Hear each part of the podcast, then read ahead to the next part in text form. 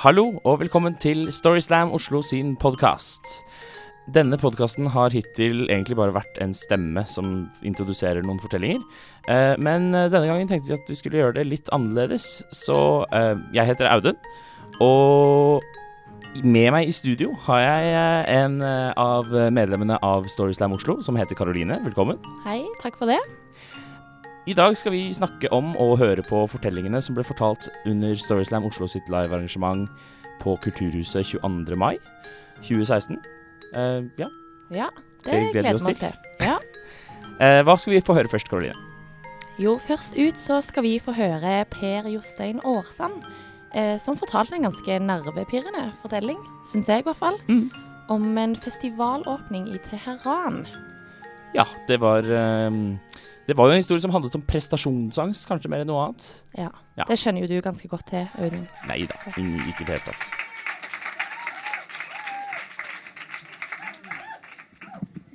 Ja, skal jeg si at jeg heter Per Jostein? Men jeg skal kanskje bare begynne. Her for noen eh, år tilbake så kom min gode venn eh, Amir bort til meg og spurte har du lyst på jobb. Har du lyst til å være med på fortellerfestivalen i Teheran i Iran? Jeg tenkte fortellerfestival, det er bra. Jeg har hørt om både Teheran og Iran. Jeg er med. Bare meld meg på, Amir. Jeg blir med. Og så gikk tida, og så hørte jeg ikke noe. Og så begynte det å nærme seg den dagen vi skulle dra. Og så ringer Amir og sier du, de har tatt kontakt fra Iran. De, vil vite hva du skal fortelle der nede. Eh, Du må skrive ned manus, alt du skal skrive, fortelle, og så oversette til engelsk og sende av gårde. Det er noen øverste prester som skal godkjenne alt du skal si offentlig. Så jeg tenkte, hva skal jeg fortelle? Jeg må ta noe jeg kan, tenkte jeg. Jeg kunne jo ikke så mye. så tenkte på den siste jobben jeg hadde hatt et par måneder i forveien. Jeg har vært vikar for kona mi en dag på, som pilegrimsled ute i Bærum. Fortalt for sjette klasse. Sankt Olav. Så jeg tenkte ja, jeg tar den. Så jeg tok det manuset jeg hadde fått av kona mi, da, og så oversatte jeg til engelsk og sendte av gårde. Og så kom den dagen vi skulle dra. På, eller Amir han kjørte oss til flyplassen, og så vinka han farvel og ropte Per Jostein, hvis jeg spør der nede øh, øh, hva du liker med Iran, og sånn, så bare si at du liker de dikterne Hafez og Rumi, så går alt bra. ikke sant? Det blir ikke trøbbel. Vel, vi fløy av gårde, landa bang i Teheran. Festivallederen tok oss imot og tok oss med til det stedet festivalen skulle være dagen etter. Eh, Det var et sånn type konserthus. Eh, Kjempesvært lokale. Vi kom inn, jeg så TV-kameraene hadde allerede begynt å gjøre seg klart. Festivallederen han eh, pekte opp på tribunen og sa You know, uh, on the top, the children are going to sit. In the middle, the adults. And on the front, uh, the priests, the mullahs, and the secretary of the president of Iran is going to sit there. Uh, and uh, Mr. Arsan Mr. Arsan Det er etternavnet mitt av Årsan. Uh, jeg rakk opp hånda. Yeah, Mr. Arsan, we start 10 o'clock tomorrow morning. Uh, you are number one. You are going to start a festival, okay? Og jeg hørte meg sjøl si no? uh, Og det er tydelig at han tok det som et klart og tydelig ja, jeg er klar. Så han uh, nikka, og så bare forlot han lokalet. Det gjorde alle de andre også. Og så ble jeg sittende aleine der inne. Og det første jeg tenkte, var Malbro. Malbro. Malbro. Og så tenkte jeg ja, Per Jostein. Where to go, where to go, Per Jostein. Du skal åpne Fortellerfestivalen i morgen her. Hva var det du skulle fortelle igjen? Jo, du skulle fortelle om eh, Olav den hellige. Europas største kristningshistorie. Og hvor er det du skal fortelle den? Jo, i Teheran. Hovedstaden i the e-axis of evil. Landet med fatwaer og eh, flaggbrenning av norske og danske flagg pga. noen små tegneserier. Og du skal stå foran mullaene og fortelle den største kristningshistoria som fins. Lykke til. Og du er ikke kristen engang. Du blir ikke martyr engang. For drept, det blir du. Men du blir bare drept som en dust som ikke skjønte hva han eh, skal gjøre. Så jeg gikk ut, da, og så eh, møtte jeg Mr. Malbro, Malbro Light, flere ganger. mange ganger. Og så møtte jeg tolken, han som skulle oversette. Det viste seg at han var dritnervøs, for han hadde aldri stått på en scene før. Eh, Men han var valgt ut fordi han kunne litt engelsk. da, han kunne litt engelsk. På en, rar måte så fant vi to eh, tonen. Eh, Vi hadde noen felles referanser. Han likte amerikansk musikk og film. Og Blues Brothers var vi, var vi enige om var bra, da. Og så sa jeg ha det, og begynte å gå gatene i Iran, da, eller Teheran. ikke sant? Jeg tror jeg rakk en ca. 160 Malbro den eh, natta. Og så møtte jeg ham på Fortellerfestivalen i god tid, da, klokka fem på ni. Jeg tenkte jeg skal nyte den siste timen min her. Festivallederen han får øye på meg da, og bare vinker. Mr. Royson, hello, hello, hello, come here, come here. come here. Uh, you know, we have changed the plans a little bit. Uh, we don't start 10 o'clock, we start 9 o'clock. Jeg så på klokka. Ok, jeg har fire minutter igjen å leve.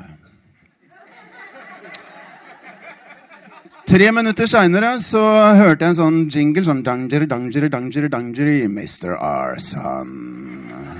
Og så så jeg så jeg et sånn forferdelig bilde av meg sjøl oppe på veggen da, eh, på en storskjerm. Jeg merka kroppen min den, eh, den reiste seg opp og begynte å slepe meg bort til scenen. Og kroppen min satte meg ned på en stol oppe på scenen. da. Og så begynte jeg å få en sånn, eh, noen som tok på meg en sånn mygg. Mygg her, da. Og jeg satt der og tenkte Hvem av de er det mullaene eller sekretæren til han presidenten som kommer til å gi tegnet til han sniperen som ligger her oppe, og har meg på kornet? Eh, så jeg prøvde å se om den der røde prikken hvor på kroppen eh, den var, da. Og så blir det helt stille. Stille på en sånn måte som sier The stage is yours. Så merker jeg kroppen min, den reiser seg opp. Jeg går ut, og så merker jeg munnen min uh, åpner seg. Jeg aner ikke hva som skal komme ut. Så er det helt stille, og så hører jeg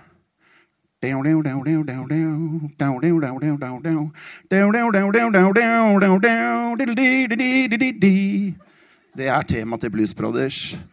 Uh, raw high, det dundrer ut av Sky, den brune Sky skinnjakka til han tolken som står og rister ved siden av meg. Mobiltelefonen hans ringer.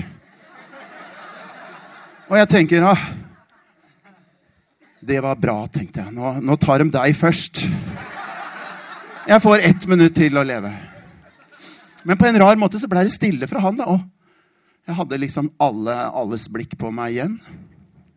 Så jeg tenker jeg, jeg, jeg må si et siste ord her, i hvert fall. Jeg kan ett ord på farsi. Så jeg bare åpna munnen og kikka utover og sa salam. Så ble det helt stille. Og så hørte jeg tre 300 skoleunger som satt bakerst, som brølte 'salam'! Og jeg tenkte 'jeg lever, jeg lever'.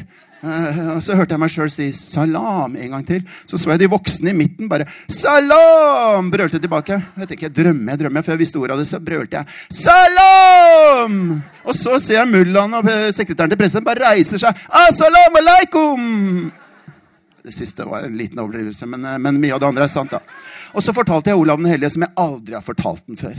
Den satt som jeg skulle Tolken den sånn som han aldri har gjort noe annet enn å stå på en scene. Han var helt konge. Og så på slutten sa jeg You know, I still heard, I heard magic things still happen up in Trondheim. Jeg så på mullene. You know, if you want, you can come to Trondheim. You can walk across the mountains. I'll meet you there. We'll all be together in the name of love, you know. Og så gikk jeg ut. Og det var trampeapplaus etterpå, da, det må sies. Og så gikk jeg ut, og der sto alle TV-kameraene. Og kameraten min han pekte. You know, this station after this only CNN is bigger. You know, 80 million. Jeg gikk rett bort. Journalisten så på meg. What do you think about uh, Iranian literature? You're a storyteller. Og jeg så på han og sa Well, you know, you have Hafiz and Rumi. They're good. But the best thing here is the Iranian people. They're fantastic. Thank you.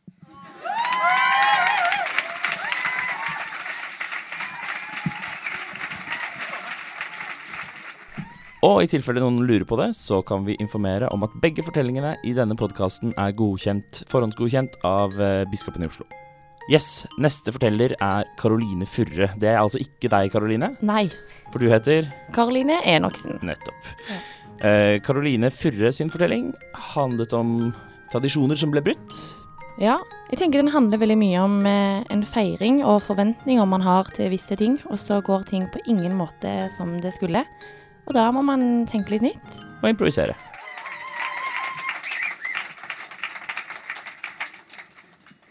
Hei.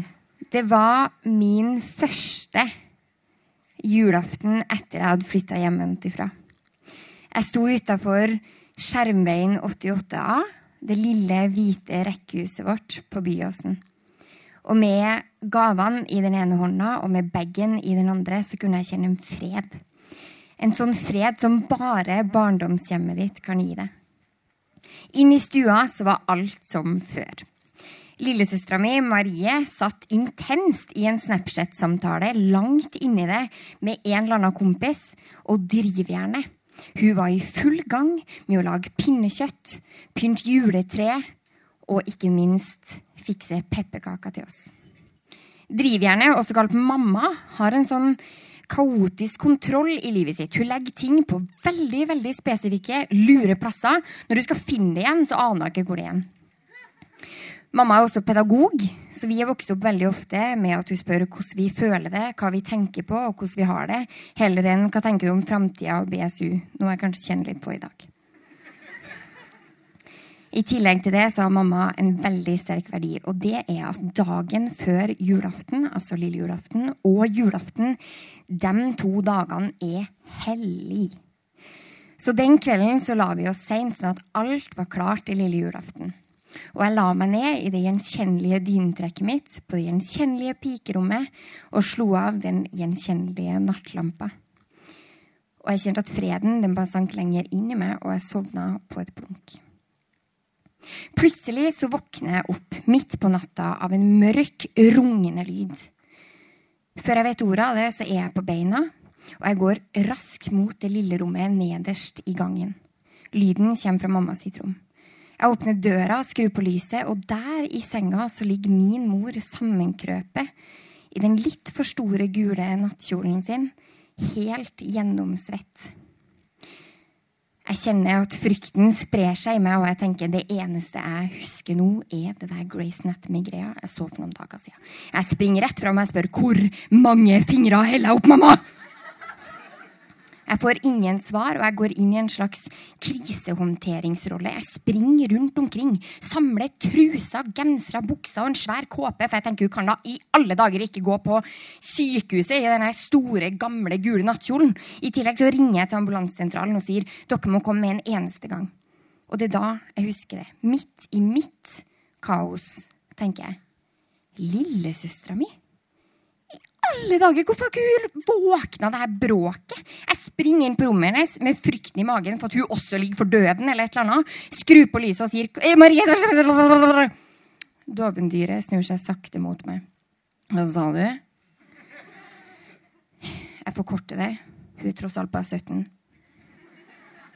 Og sier Skal du være med på sykehuset? Mamma skal dit. Eller skal du reise med meg i morgen? Hvordan skal vi gjøre det her? Um, jeg tror jeg bare reiser i morgen. Jeg er kjempetrøtt, skjønner du. Dovendyret snur seg rundt og sovner igjen, og jeg rekker ikke å tenke mer på det før jeg går ut i gangen. To store ambulansemenn, i hvert fall i mitt hode, de var kjempesvære, Kjem opp, løfter min lille mamma ned trappa. Hun går inn i ambulansen, dørene lukkes, og bilen den kjører bortover. Sakte, men sikkert så forsvinner sirenene og jeg sitter alene i stua og venter på at det skal bli dag. Etter en liten eller lang brun på sofaen, det vet jeg ikke helt, så hører jeg to tunge trinn komme ned trappa. Hva skjer? Det er dovendyret. Hun husker ingenting fra i går. Jeg forklarer det på nytt og sier at jeg tror det er på tide at vi lar henne på sykehuset hvis du er våken nok, da. Vi pakker sammen tingene våre, vi kjører bilen ned til sykehuset, og vi ser alle stjernene som henger i vinduet. Det er lille julaften. Stillheten den senker seg over oss. Og stillheten den pågår når vi parkerer, den pågår når vi går inn på sykehuset, og den er der ennå når vi går opp gangen og står foran døra til mamma sitt sykehusrom. Lillesøstera mi tar meg i hånda og spør tror du at hun ser annerledes ut. Jeg merker at inni meg så tenker jeg jeg vet ikke. Så sier jeg at ja, nei, nei, det tror jeg ikke storesøstera tar plass. ikke sant? Så åpner jeg sakte døra. Og der Der sitter rivjernet. Med den rareste hårsveisen jeg noen gang har sett, og et skeivt glis der hun sier Juhu! Drivjernet rusa på morfin. Kvelden den fortsetter på sykehuset. Mamma prøver febrilsk å sende julemeldinger, men det ender bare opp med 'god jul' og 'nyttår', som vi sender ut til hele slekta. Klokka den er plutselig ni, og på den lille TV-skjermen på sykehuset så kommer han. Hovmesteren. Han gjør sin vante entré. Han serverer Miss Sophie, og han snubler på det store ti gitar gitar-tigerhodet, tror jeg vi skal si. Og idet jeg ser at han gjør sin vante entré, og julefreden skal senke seg, så kommer tårene. Jeg ser bort på lillesøstera mi, og tårene hennes de er sånn som mine. Og bak i senga så hører vi en litt sånn rar gråtelyd. Som er litt annerledes enn vanlig. Fra morfinmamma, som sitter der. Men hun er også med. Til slutt så drar vi hjem. Og vi vet begge at julaften blir nok mest trolig ikke sånn som vi tenkte oss. Vi tar dynene våre, og vi kjøper en svær is og to skjeer, og så sitter vi i stua og ser Love Actually, griner litt, ler litt, prøver å liksom samle stemninga. Og dagen etterpå så står vi opp. Jeg lager frokost til dovendyret og har ennå den sterke storesøstermaska du bare føler at du må ha på. Så du er den voksne, i hvert fall litt. Så sitter vi der, og så ringer telefonen. Og det første som slår meg, er at det er mormor. Altså, hun har ringt 14 ganger siden mamma havna på sykehuset. Og jeg er så klar for å bare ta telefonen og si nei, vi trenger ikke at du kommer og feirer jul med oss. Du kan bare bli der du er, for det går helt fint her. For jeg vet at mamma hun hadde frika helt ut hvis mormor i tillegg kommer når hun er syk. Men idet jeg tar telefonen, så hører jeg en mørk mannestemme si Er det Skjermveien 88 A eller B, egentlig? Vi får ikke ut av mora di. Nei, det er Skjermveien 88 A, sier jeg. Og med ett så kommer den røde, store bilen i oppkjørselen vår. Dørene åpner seg, og der, der står drivjernet. I den gule, store nattkjolen. Med noen sko slengt på seg og en kåpe over og et drypp i hånda. Og så går hun sakte opp trappa, og vi springer ut i gangen.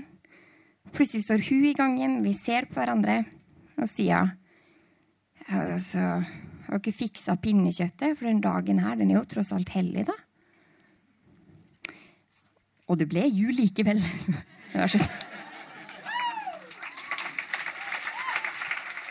Ja, da ble det jo jul allikevel, da. Ja, det Ja. ble det. Heldigvis. Denne podkasten er over.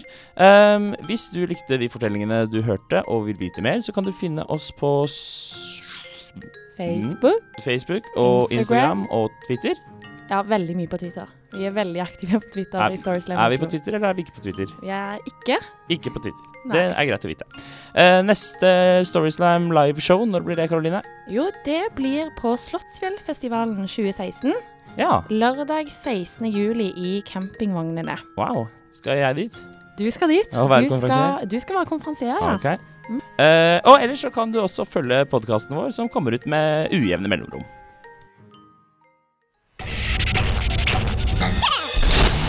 Monster.